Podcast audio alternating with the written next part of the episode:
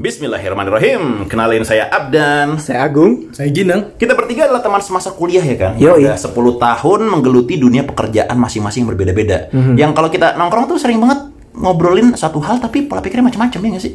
Karena kita beranjak dewasa sekarang, kita pengen ngomongin tentang cinta, tentang Yes. kerjaan, dan basically keresahan kita atas dunia di sekitar kita yang mau kita sharing di podcast Akil Balik ini. Betul. Jangan expect ini bakal menjadi sebuah podcast yang lucu karena di sini kita akan membahas isu-isu serius.